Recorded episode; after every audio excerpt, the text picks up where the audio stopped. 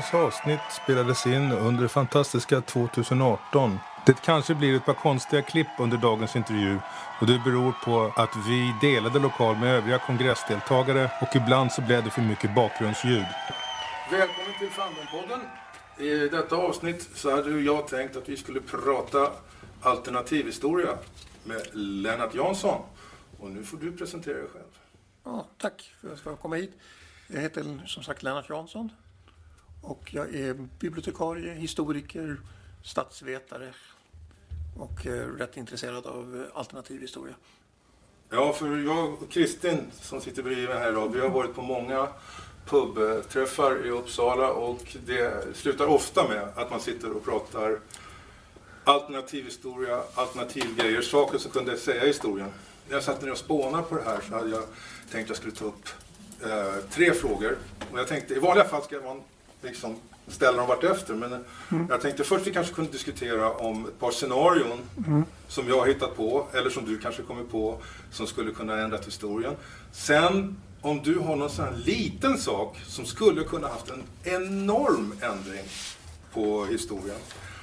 Och sen till slut om det finns några berättelser, filmer, tv-serier som du tycker berättar om alternativ historia fruktansvärt bra. För när man pratar om science fiction så är det ju de här stora grejerna. Det är science fantasy, space opera, uh, space um, fantasy, cyberpunk, steampunk, tidsresor och sen finns det alternativ historia. Och det där försvinner. Det massa saker också som flyter lite mellan. Ja, men det är inte så mycket som man tänker på att det här är en ganska stor bit av science fiction. Det är ju det. Det är ja. ett element av alternativ historia. Mm i, mycket science fiction och fantasy. Men alternativhistoria som egen genre finns väl inte Nej, egentligen? Jag tror, kan man inte säga. Det, är, det finns ju de som ägnar sig nästan helt åt det. Turtle Doves har ju skrivit nästan bara alternativhistoria. Okay. Okay. Han, har, han har skrivit eh, dels alternativt andra världskrig, alternativt kalla krig, alternativt amerikanskt inbördeskrig. Det här är ja. Turtle Dove. Ja. Men han är ganska ensam om det. Eh, han var väl bland de första som lyckades sälja det i stor utsträckning. Men mm. det är ju, Flint har skrivit ja. 1632. Mm. Är den njutbar? Jag har inte läst den. Den är roande men eh, för... den har hållit på, det måste finnas folk som tycker om den väldigt mycket för den har hållit på i snart 20 år nu. det blir lite för mycket att det är experiment och det kan ja. inget litterärt värde i det längre. Nej. Nej. Mm. Film som jag ska behöva slå upp vad den heter. Ja, du berättat om den ja. Ja. Eh, 2009. Okay. Lost Memories. Och, eh... Den är från, den är, det handlar om ett alternativt 2009. Eller 2009. Ja.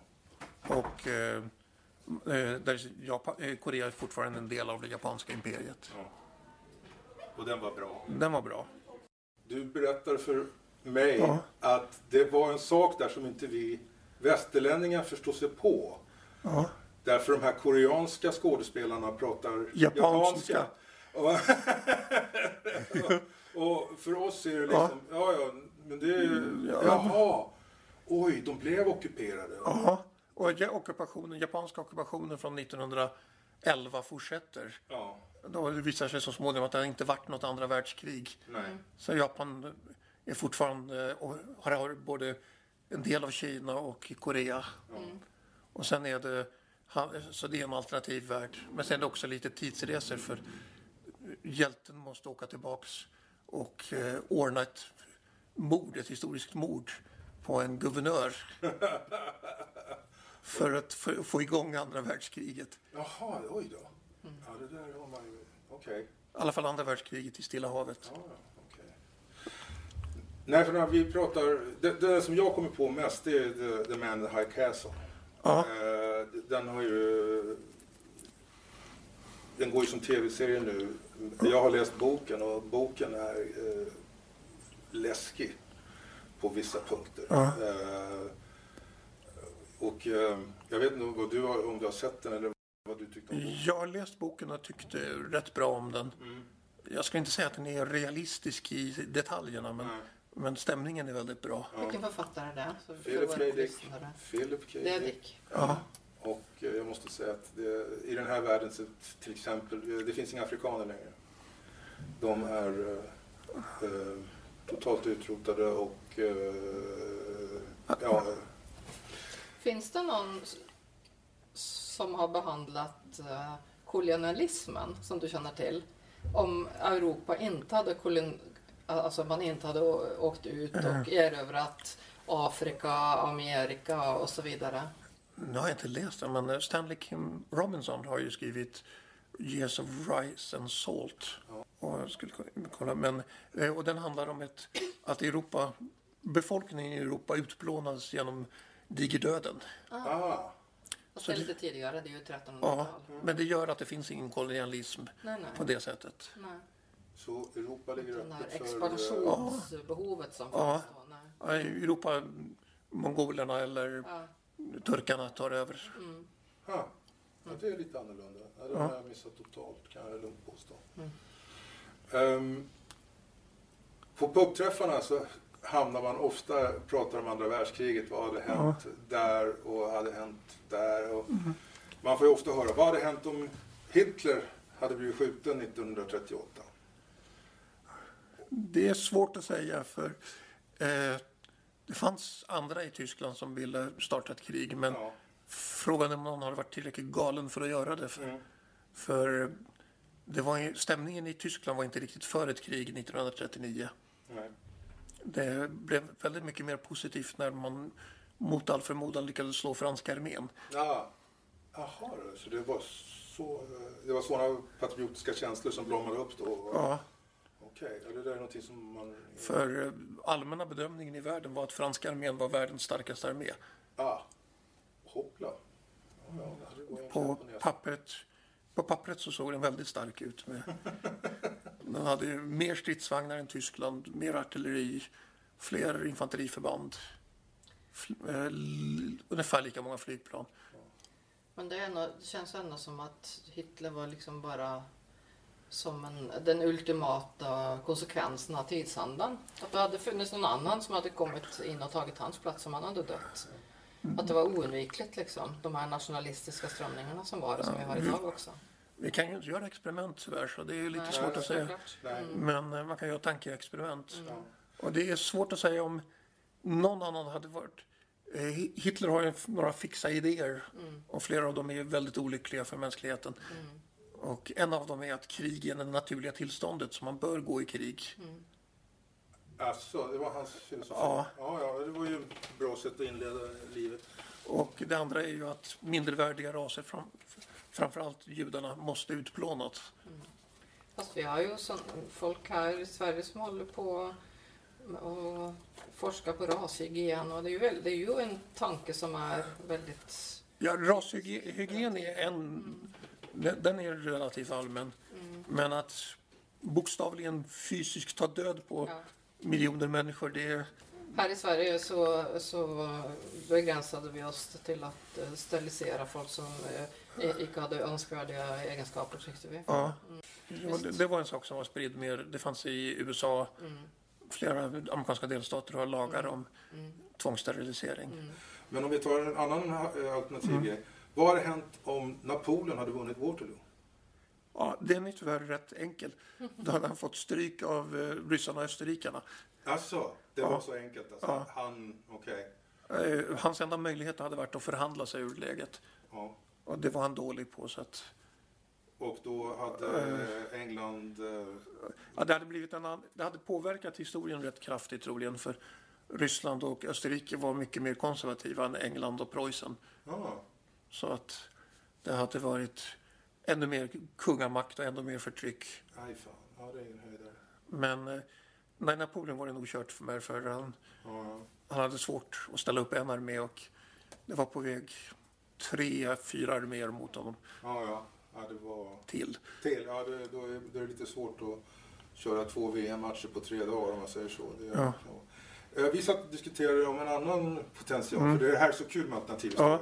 Och speciellt att prata med dig, för du är ett kartotek av fakta.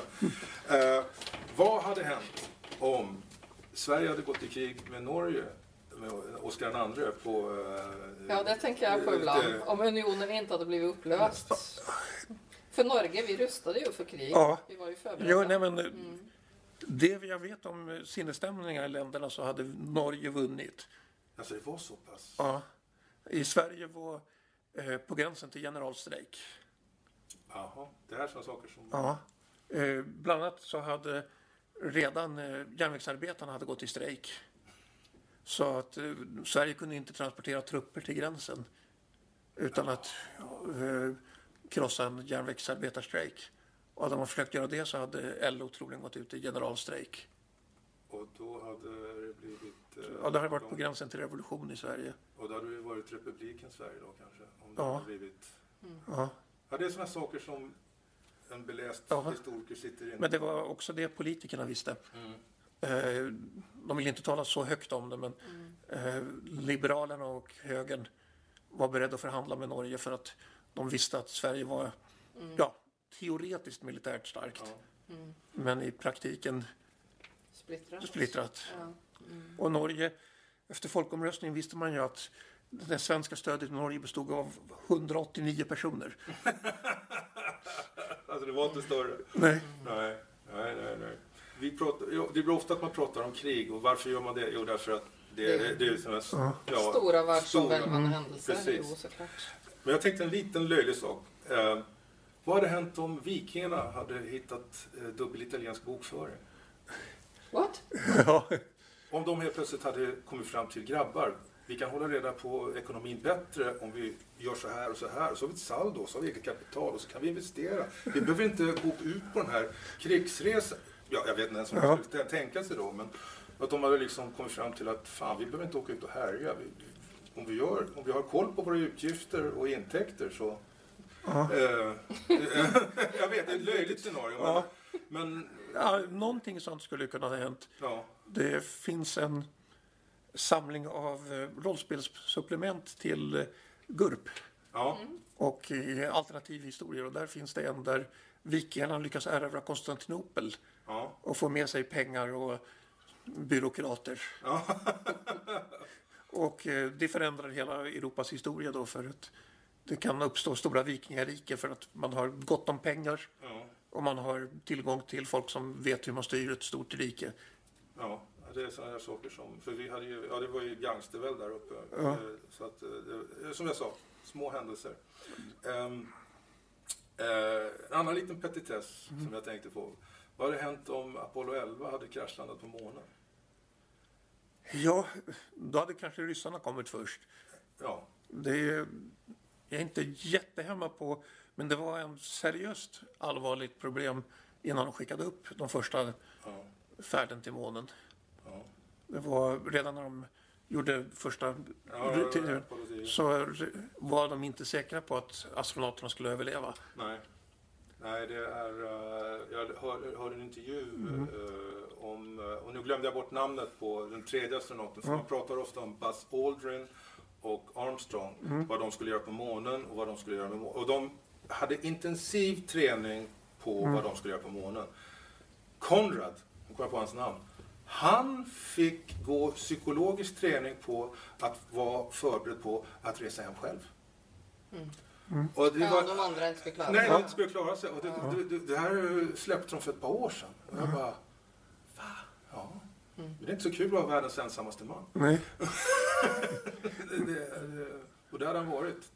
300 000 kilometer från... Och det fanns ju en, egentligen hela tiden en seriös risk för mm. en solstorm.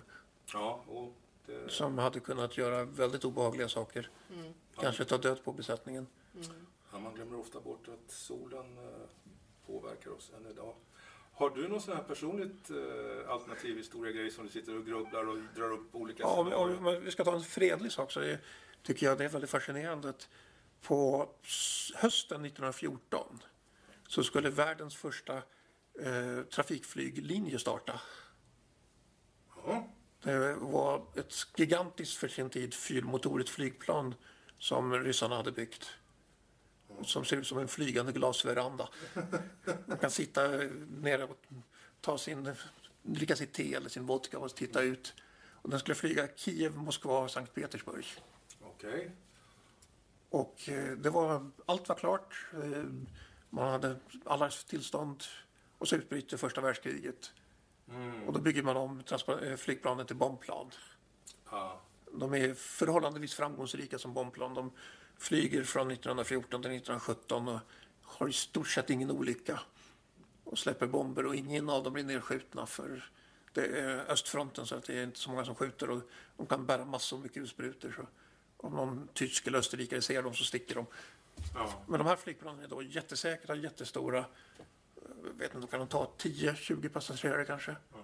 Och då hade trafikflyget varit igång åtta år ungefär innan historiskt. Ja. Mm. Och det så liksom om min, man brukar säga att krig påskyndar teknikutvecklingen men, jo, men, men samtidigt så perverterar den utvecklingen. Mm. För det hade inneburit att trafikflyget hade varit igång och till och med med bättre flygplan kanske än de hade 1920. Nej, precis. Om man inte hade utvecklat atombomberna, så man kunde, om man inte hade släppt dem på Hiroshima och Nagasaki, vad hade hänt då? Hur hade, vilken vändning hade kriget tagit? Det har diskuterats fruktansvärt mycket. Mm. Och eh, en av de stora sakerna som fick Japan att kapitulera är ju det ryska anfallet. Mm. För eh, i princip mellan Hiroshima och Nagasaki så anfaller ryssarna. Och japanerna upptäcker att de har i princip ingen möjlighet att försvara sig mot den ryska armén. De har, det de har i norra Kina är en armé som skulle ha varit modern 1940. Och ryssarna har skickat över vad de har tagit Berlin med. Så det är, där har vi ju snabb teknikutveckling. Ja. Och eh, ryssarna har nästan obegränsat med lastbilar som de har fått av amerikanerna. De har transportflygplan, de har fullständigt luftherravälde, de har stridsvagnar som japanerna knappt kan drömma om. Mm.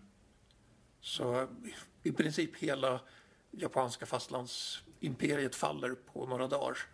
Eh, områdena rörande Kina och i eh, kolonin Korea. Och de kinesiska områdena, det är någon vecka så är ryssarna kört över allting. Släpper fallskärmsjägare i, eh, nere vid kusten och kör stridsvagnar genom öknen och bergen. Och eh, historiker har diskuterat, det är svårt att säga för japanerna för diskussionerna i den japanska regeringen är väldigt hemliga. De för inga protokoll och, och eh, folk diskuterar, har diskuterat väldigt lite men det är mycket som tyder på att det här skrämde japanska regeringen och kejsaren mer än vad atombomberna gjorde. Mm. Jaha, det är sådana saker som... Det låter ju osannolikt. Ja, men... Nej, men eh, atombomberna dödar bara folk. Ja, man förstår inte konsekvenserna, långtidskonsekvenserna. Konsekvenserna känner de inte till.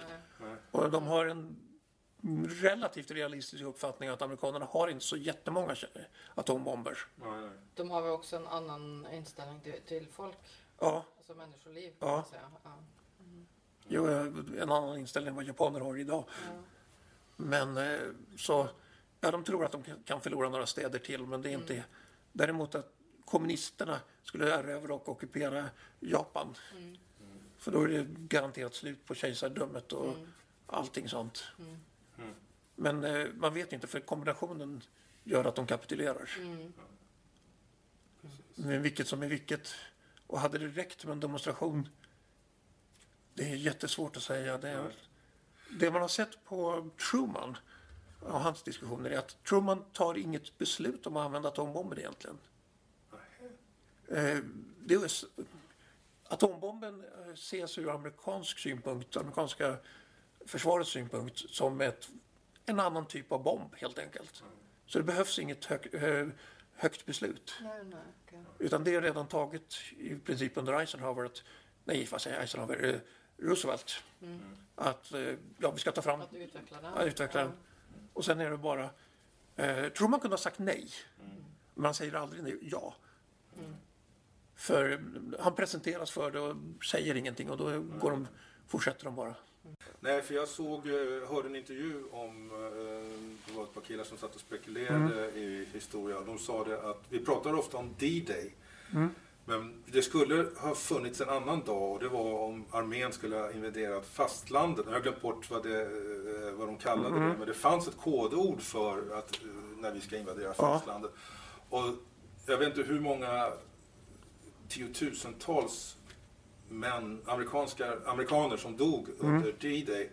Men de räknade med att det skulle vara mångdubbelt om de skulle invadera mm. fastlandet eh, Japan. Och, så att den här atombomben, ja den räddade nog många amerikanska liv. Ja. Man, men som sagt, eh, historien går igen och det har bara släppts två atombomber i historien och det ska vi kanske vara tacksamma Ja, det får vi vara.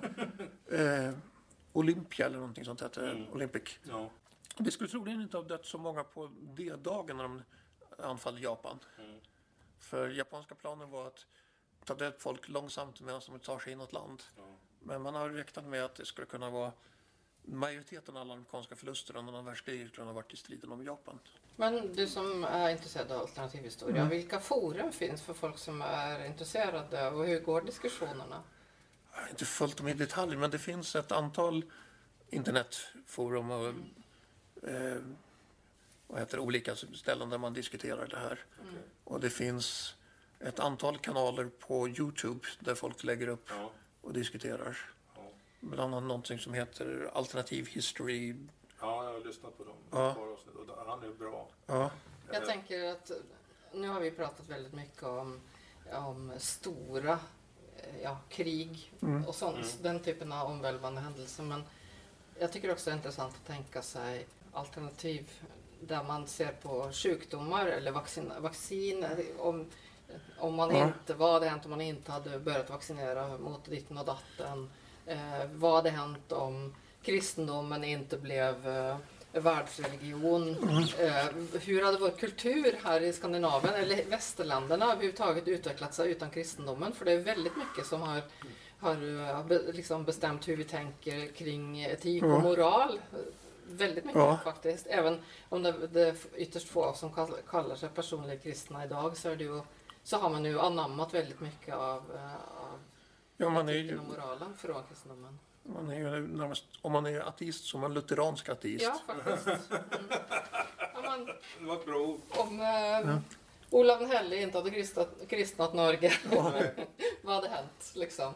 För jag menar, de, de, de skandinaviska kungamakterna de insåg ju att kristendomen var ett bra sätt att uh, kontrollera ja. folk på. De anammade det inte framförallt på grund av att de tyckte att Kristus var eh, en bra gud utan de såg det som ett bra sätt att, att kunna kontrollera folk. Mm. Ja. Förhärskareliten liksom. Ja, det har ju jämfört med att ansluta sig till EU. Ja. Mm. Att, uh, ska säga, man kunde inte stå utanför. Man kunde inte stå utanför. Jag skulle vilja gå ett, ungefär som att säga nej till internet. Ja. Eh, det, var, nej, men det var ju kommunikation. Ja, jo, kommunikation. Det var ungefär som Kyrkan var så stor. Säga nej till latin mm. eller vad som helst. Ja. Det, det, det, det, fann, det fanns ju en europeisk nation som försökte förbli hednisk jo. och lyckades rätt länge. Det är ju Litauen. Mm. De är... Det där får du gå in med. Det hade jag ingen aning om. Ja, eh, första av Litauen vägrar att bli kristna mm. ända fram till 1386 tror jag det När en av dem gifter sig med ärvtagaren till polska tronen. Som, hon blir helgon för att hon omvänder litauerna. Ja, ja, ja. Men eh, det är, härskarna omvänder sig för att mm. eh, han blir kung av Litauen. Mm. Eller kung av Polen mm. och första av Litauen.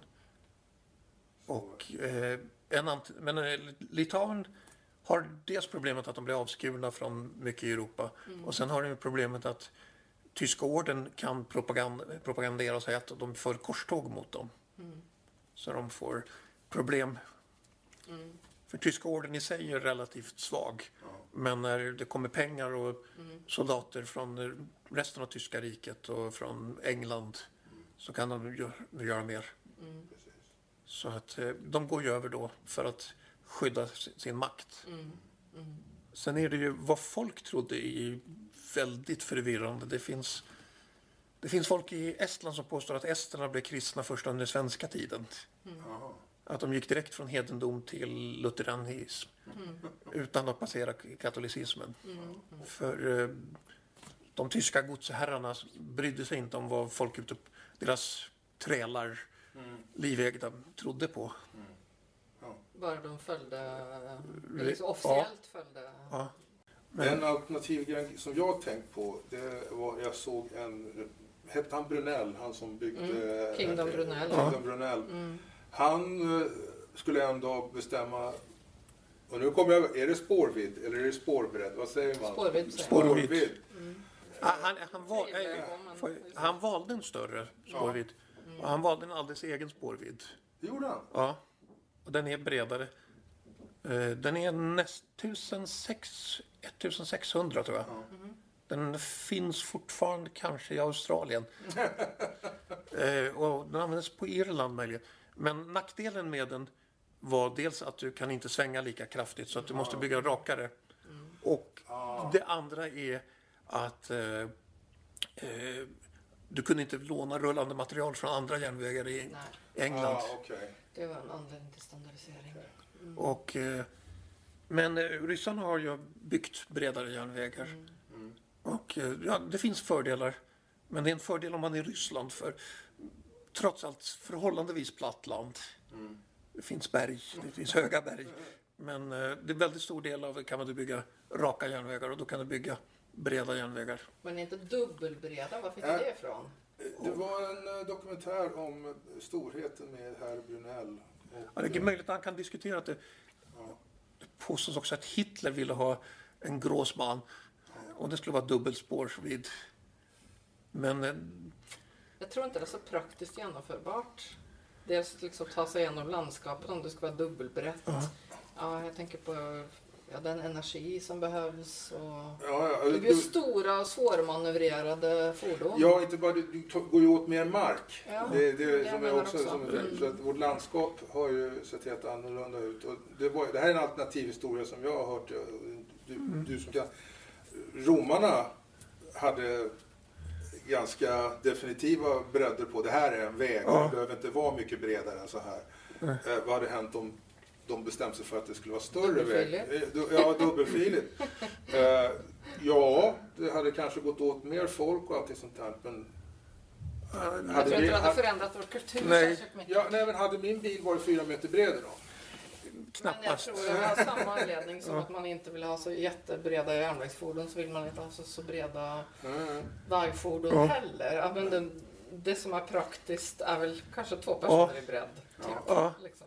Eh, det som möjligen, det här med dubbelspår, det var alltså att man skulle kunna bygga i vissa speciallägen fordon som använder dubbelspår. Ja.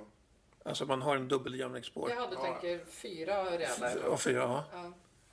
För att transportera runt riktigt tunga saker. Ja, det är mer utrustning då. Ja. Krigsmateriel eller så, då ja. kan man ju förstå det. Men, men som transport eller liksom persontransport? Ja, det, det, idén, nej, det var nog inte för att transport.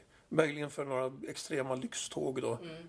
Som man skulle ha för att åka igenom ockuperade delen av eh, Ryssland. Mm.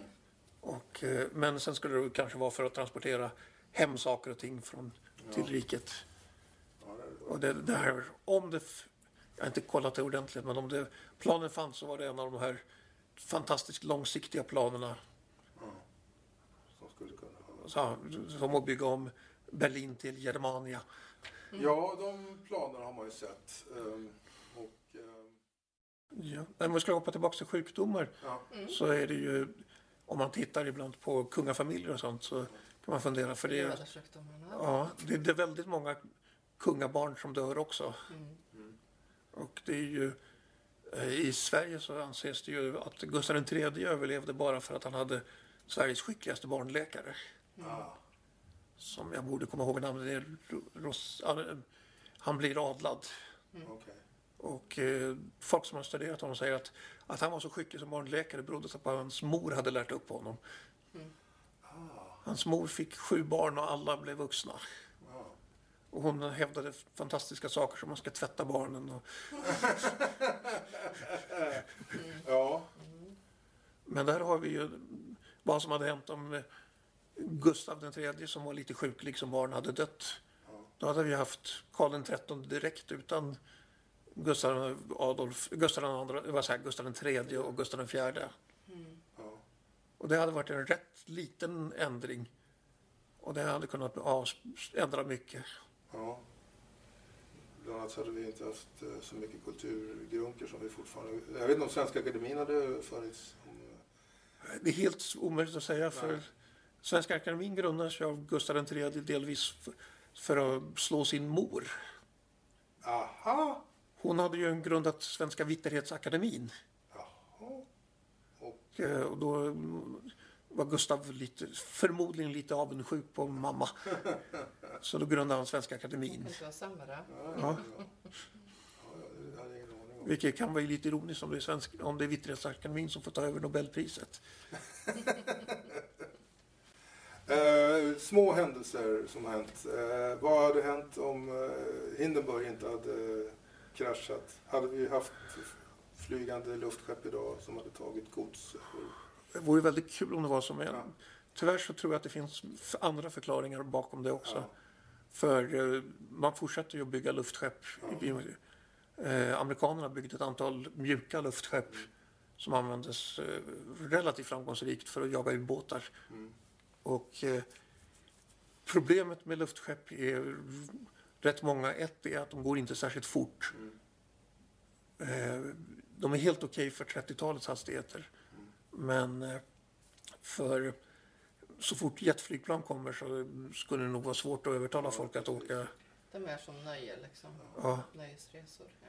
ja, de är vackra men de är som sagt, de, det är ungefär som regalskepp. Ja.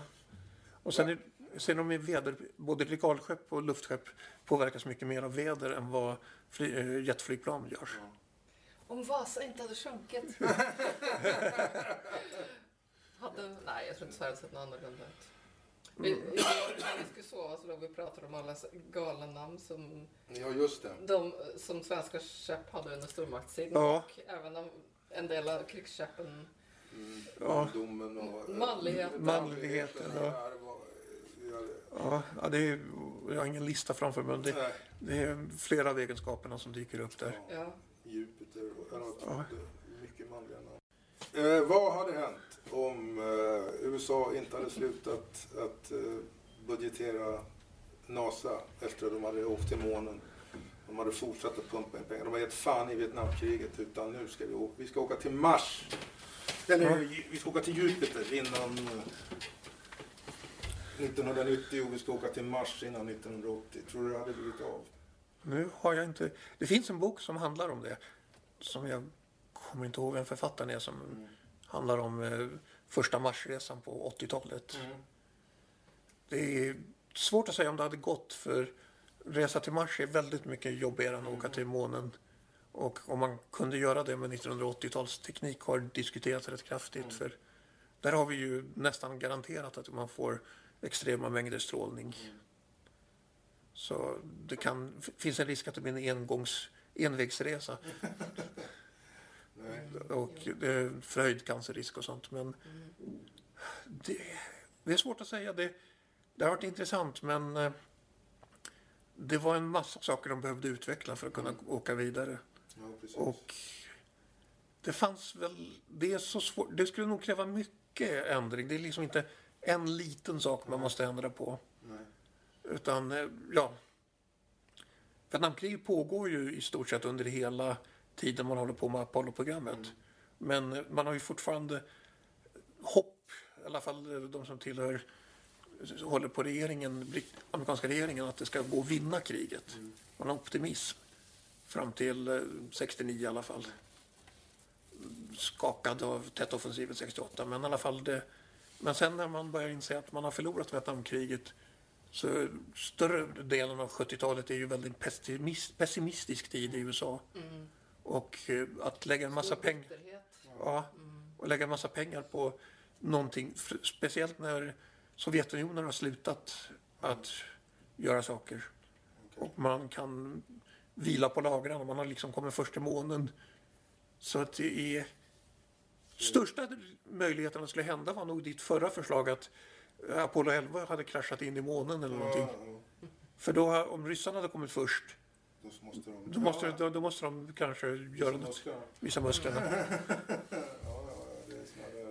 det är helt omöjligt att säga. för om det hade blivit olyckan så hade det antingen kunnat bli att man lägger ner hela rymdprogrammet och säger att det här är för farligt. Mm. Eller så säger man att nej, nu måste vi verkligen satsa. Mm.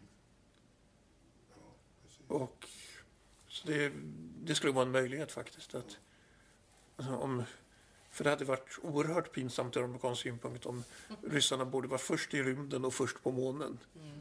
Då behövde amerikanerna någonting där de kunde vara först. Mm. Och Mars är ju nästan en milsten som märks. Mm. Skicka någon och åka runt. Eh, Venus hade inte varit lika häftigt. Och skicka någon till Jupiter är jobbigare. Så det enda alternativet hade ju varit en eh, utforska en komet eller en meteorit. Ja. En meteorit är väl annat, eller en komet. En komet, ja. Eller asteroidbältet. Asteroid var jag tänkte på. Ja, okay. ja, det hade jag också. Det gillar nog. Man återkommer ofta till krig, men för... men jag kan inte låta bli att fråga dig. Vad hade hänt om Gustav II Adolf inte hade blivit skjuten vid Lützen? Oj! Ja. Det... Hade tyskarna pratat svenska idag? Och hade mm. Östersjön varit vårt medelhav? Möjligen tvärtom. Asså. Att svenskarna hade talat tyska. Aj då. Asså. För eh, om eh, Gustav II Adolf hade lyckats med eh, en erövringspolitik i. Tyskland. Eh, svårt att säga vad han slutmål. Det var, han hade, det var lite spekulationer visst på den tiden att han ville göra sig till kejsare. Ja. Tysk-romersk kejsare. Hoppla! Ja. Snacka om att satsa stort. Han skulle gå ända ner till Italien. Alltså. Eller, ja, det, till, han var i närheten av... Eh, han var ju nere i Bayern så att ja.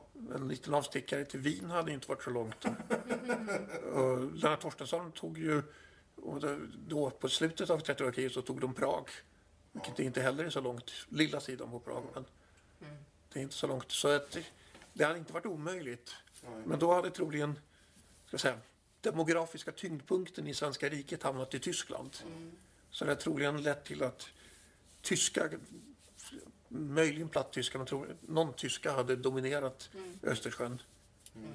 Men eh, nominellt under svensk. Mm. Okay. Så det är, det är jättesvårt att spekulera om sånt där. För det, ja, det är kul. Det är kul. Det är som är kul med att men, det, det kostar ingenting. Nej. Och, uh, men man skulle kunna tänka sig ett Sverige som är ersätter Preussen. Mm. Men då är ett tyskt rike mer än ett skandinaviskt rike. Ja, okay. Så vi skulle, ungefär som engelskan idag, det tar över svenska språket mer och mer. Och sen ja. 200 år så kommer vi att prata någon swinglish. Som ja. kommer vara helt absurd för oss idag. Uh. Ja, men det, det skulle kunna vara en möjlighet att det blev ett slags Sverige skulle ha varit en traditionell del av utkanten av mm. det svenska riket. Vad är din, vad är din favorit då? Eller vilken, vilken sån här alternativ historisk diskussion tycker du är mest intressant? Oh, det har, den som jag har haft roligast med det är om Karl XI hade levt längre och vad som hade hänt då. Jaha. Och ja. Eh, fått barn? Ja, den är Karl XI, inte Karl XII. Ja, ja, ja, Pappa till Karl XII. Gråkappa. Gråkappa. För han var välkänd som militär och hade vunnit ett krig men var en väldigt försiktig person diplomatiskt. Och om de hade anfallit honom så hade han kunnat släppa lös Karl XII som en general mer än som en kung. Och det hade kunnat ändra rätt mycket för då hade ja, skojar så man kunde haft Karl XII i en liten järnbur och visa upp. Om ni inte är snälla så släpper vi loss honom. Ja. För eh, Karl XII var en skicklig general, men en usel diplomat. Mm. För det är väldigt svårt att säga hur det hade kunnat gå, men det är mycket möjligt att, att Sverige egentligen förlorade Finland eh, att Finland drabbades av att känslan av att inte vara en del av Sverige under Karl XIIs tid. Mm. När Karl XII och svenska regeringen övergav Finland och det ockuperades av ryssarna mm. i flera år. Mm. Och eh, frågan om man hade gjort det med någon annan del av Sverige utan att göra något seriöst försök att ta tillbaka det. För när Karl XII samlar ihop en armé så försöker han inte befria Finland utan han försöker erövra Norge. Ja. Vilket då finnarna uppfattar som väldigt dumt. Ja. Att de är övergivna av Stockholm. Det var ju Stockholm. en felsatsning, det visade sig ju. Ja. och det där leder ju till nästa grej då till ja. exempel. Vad hade hänt om han inte hade blivit skjuten i Halden? Och, Ja, det är ganska mycket missnöje med honom ändå. Ja. Han kanske inte hade ja, det är, haft någon folk var ganska framtid. Jag fick reda ganska mm. sent. Det var ju andra gången han försökte ta Halden. Han hade ju varit ja. där tre år innan och efter, ja. jag tror att svenska armén skulle... Ja, det där ska ja, det, men mm. Han gav sig in 16 första gången, ja. så det är två år innan. Mm. Och då är han ju nere i Christiania, det som är nu i Oslo. Mm. Men kommer på att han kan inte vara där så länge Fredriksten, alltså Haldens fästning, finns. Så han drar sig tillbaks. Och eh, sen eh, när... Men det, det, det, finns fortfarande folk som tror på Karl XII 1900, vad säger, 1718. Det finns 1918 också, men det är, det är andra människor. eh, men eh, så det kanske, men det som eh, när man tittade på sammansvärjningsteorier om skjutningen mm. så är väl idén ungefär just nu är att han blev nog inte skjuten genom en sammansvärjning. Det var men, en tillfällighet. Men det var en tillfällighet och det var förmodligen en norrman som sköt honom mm. av, ja, genom tur. Mm. Men eh, om han inte hade blivit skjuten då så fanns det två eller tre sammansvärjningar som var ute efter att skjuta honom. Mm. Så att eh, det finns en förberedd kupp i Stockholm mot hans eh, minister. Mm. Eh, Götz som sitter där och sen blir avrättad väldigt, väldigt snabbt. Han blir arresterad. Så fort budet kommer från Halden att kungen är död så blir han arresterad. Mm. Och sen snabb rättegång och så avrättar de honom. Mm. Jaha du, de vill bli av med honom fort. Ja, Jaha. det är ju kungens syster och svåger som vill ha makten. Mm. Så det är, det är svårt att säga. Det är nästan för sent för Karl XII. Ja, precis. Ja, det är ungefär så. Han hade spelat ut sin roll lite grann. Ja. Det är som Napoleon och grabbarna. Ja. Uh, annan alternativ grej. Uh, Bernadotte kommer inte till uh, tronen. Jag tänkte också på det.